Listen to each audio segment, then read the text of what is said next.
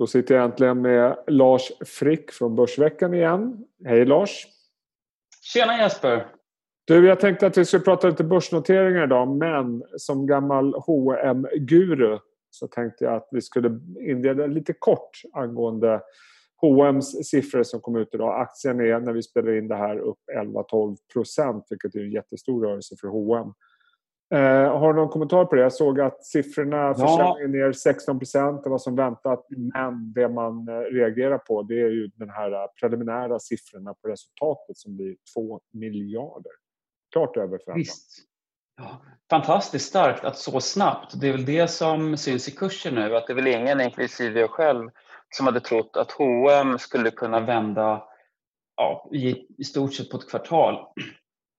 Föregående kvartal var ju en riktig katastrof. När man har ju sett med så många butiksinstängningar eh, så är det förstås väldigt lätt att göra ett scenario där man kommer fortsätta förlora pengar under en ganska lång tid.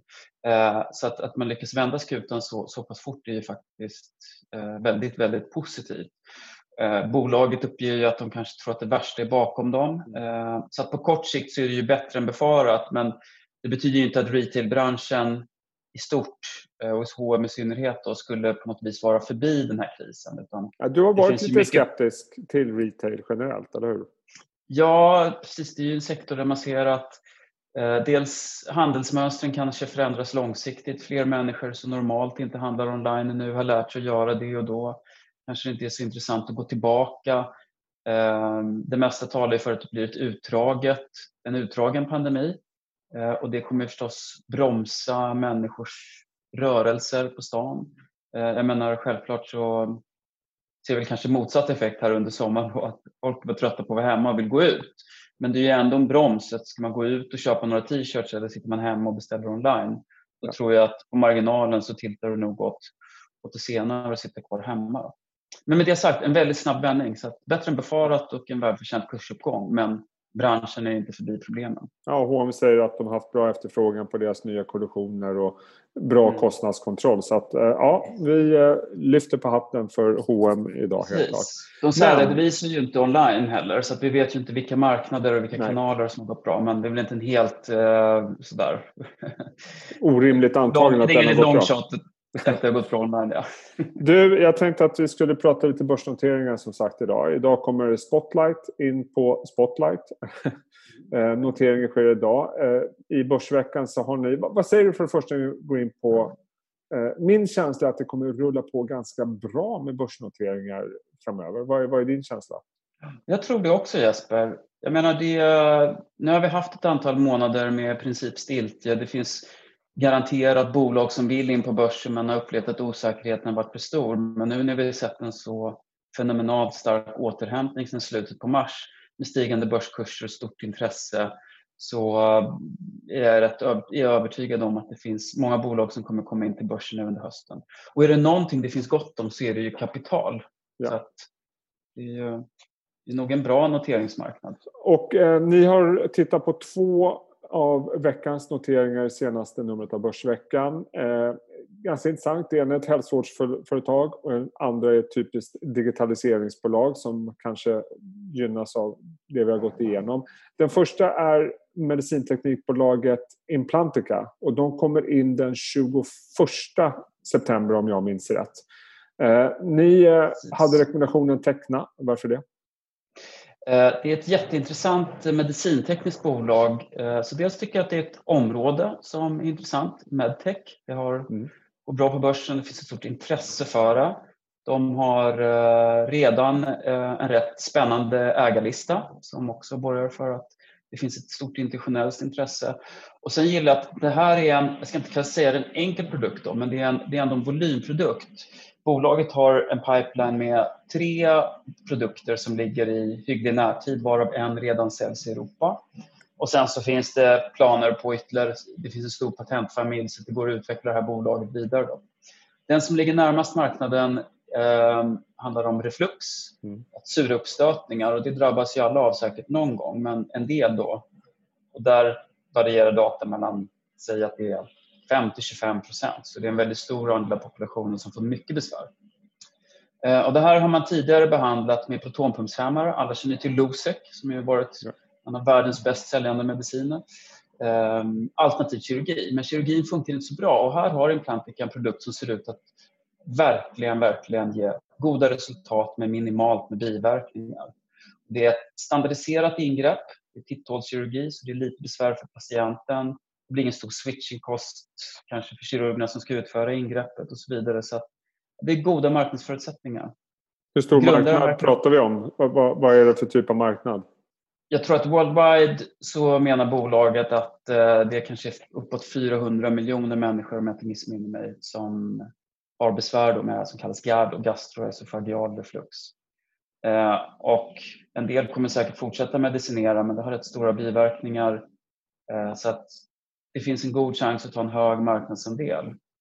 Eh, och bolaget har bra track record också. Grundaren är läkare så han har stark man säga, medicinsk kompetens. Han har också visat sig vara en duktig entreprenör och har redan sålt ett bolag till Johnson Johnson och den kombinationen tycker jag är intressant. Att man kan vara både en duktig forskare och en duktig affärsman och det är det man vill se på börsen. Och tittar man på siffrorna i det här bolaget så är det ju eh, ganska små siffror får man väl ändå säga på, på ja. men, men det finns en försäljning eh, och den växer ganska bra om jag har förstått det rätt. Fortfarande eh, förluster. Vad, vad, kan man säga om Precis, det är en tidig fas. Mm. Jag tycker att det, det, är ändå betryggande att det finns försäljning. Det började i slutet 2018. Då. De har valt att bygga upp en egen distributionsorganisation. Och det, det tar mera tid och det är dyrt, men å andra sidan får man då en dedikerad säljstyrka till skillnad om man går via en tredjepartsleverantör. Då blir man liksom en, lätt en produkt i mängden. Det är svårt att få eh, det, ska man säga, den uppmärksamhet på sina produkter som man kan, skulle vilja ha. Då. Så att, ja, den har ju CE-märkning, den får säljas i Europa, USA väntar. Eh, så att ja, det kommer ta några år, men det är en intressant resa att vara med på. Och det är inte en one trick pony. Det är inte så att bolaget står och faller med den här enda produkten utan de har också produkter exempelvis inom obesitas. Skulle det lyckas så är det ju lite grann av att ja, då är det ju en homerun. Det är tyvärr en åkomma, ett sjukdomstillstånd som, som växer väldigt kraftigt och med väldigt dåliga behandlingsalternativ idag. Uh, ja, jätteintressant. Dessutom, uh, tittar man på ankarinvesterarna i det här bolaget så är det en hyggligt imponerande lista med Handelsbanken, det är Skandia, det är TIN Fonder mm. och uh, Nordea och vad var det mer? Robur förstås. Ja. Så att det känns... Ja, det är lite vem för vem. det är också ja, viktigt. ja. Du, ja, intressant. Där hade ni alltså Teckna och den noteras då 21 september på First yes. North. Va? Och eh, det är ett har... Eh, Liechtenstein-baserat bolag. Så det, det, blir ju sån här, det är dragningsrätter. Så att ja. Eh, noteringsdagen är 21 men jag tror likvid kan dröja ytterligare några dagar okay. innan eventuella aktieägare får med depån. Det kan vara bra att säga. Det kan vara bra att veta.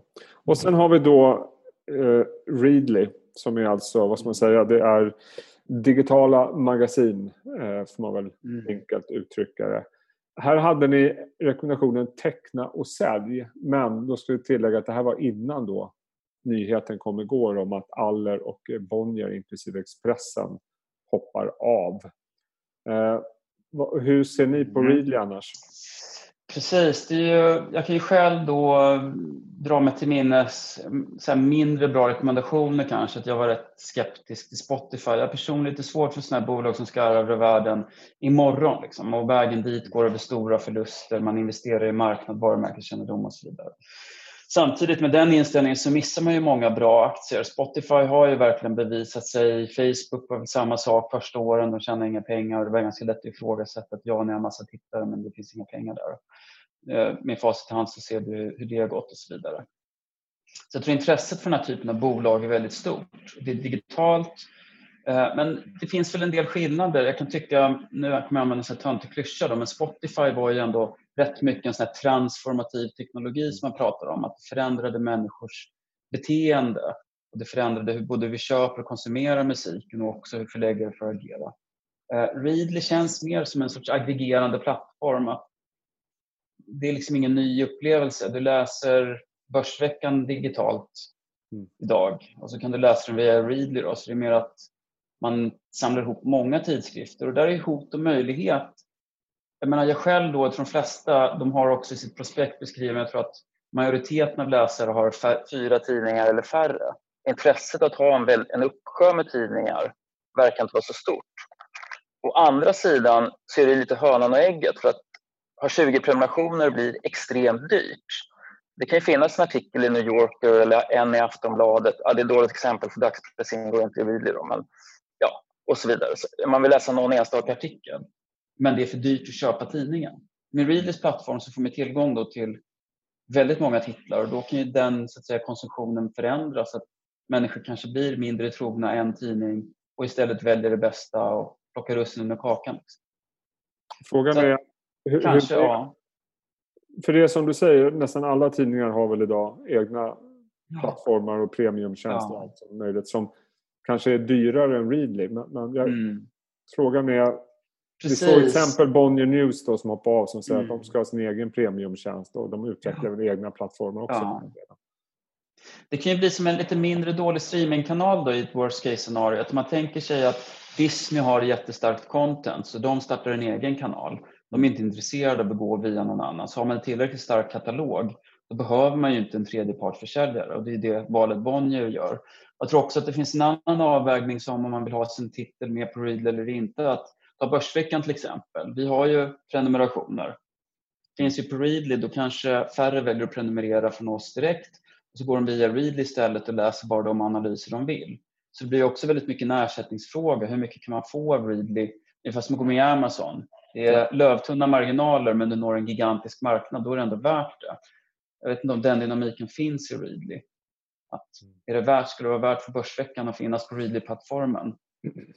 Ja, Ja, intressant. Eh, ni får vi valde att teckna sälj för vi tror att intresset för den här typen av bolag är stort. Och blir det en stark kursrörelse uppåt så är det bra att ta hem vinsten ganska tidigt. Då. Nu får vi se vad det här Bonnier och Aller-spektaklet gör för, för Readlys introduktion. Alltså även om, eh, om jag har förstått det rätt så är det, utgör det en ganska liten del av globalt ja. antal prenumeranter. Men i min värld så är det ett signalvärde och en mm. synnerligen mm. dålig timing. Ja, Sverige är ju en huvudmarknad då, en av tre. Så det är klart, Sverige är viktigt och signalvärdet just, i varje fall för svenska investerare. Mm. Men det är ju en, eh, och framförallt ambitionen är ju att vara ett globalt bolag med titlar på många språk i många länder.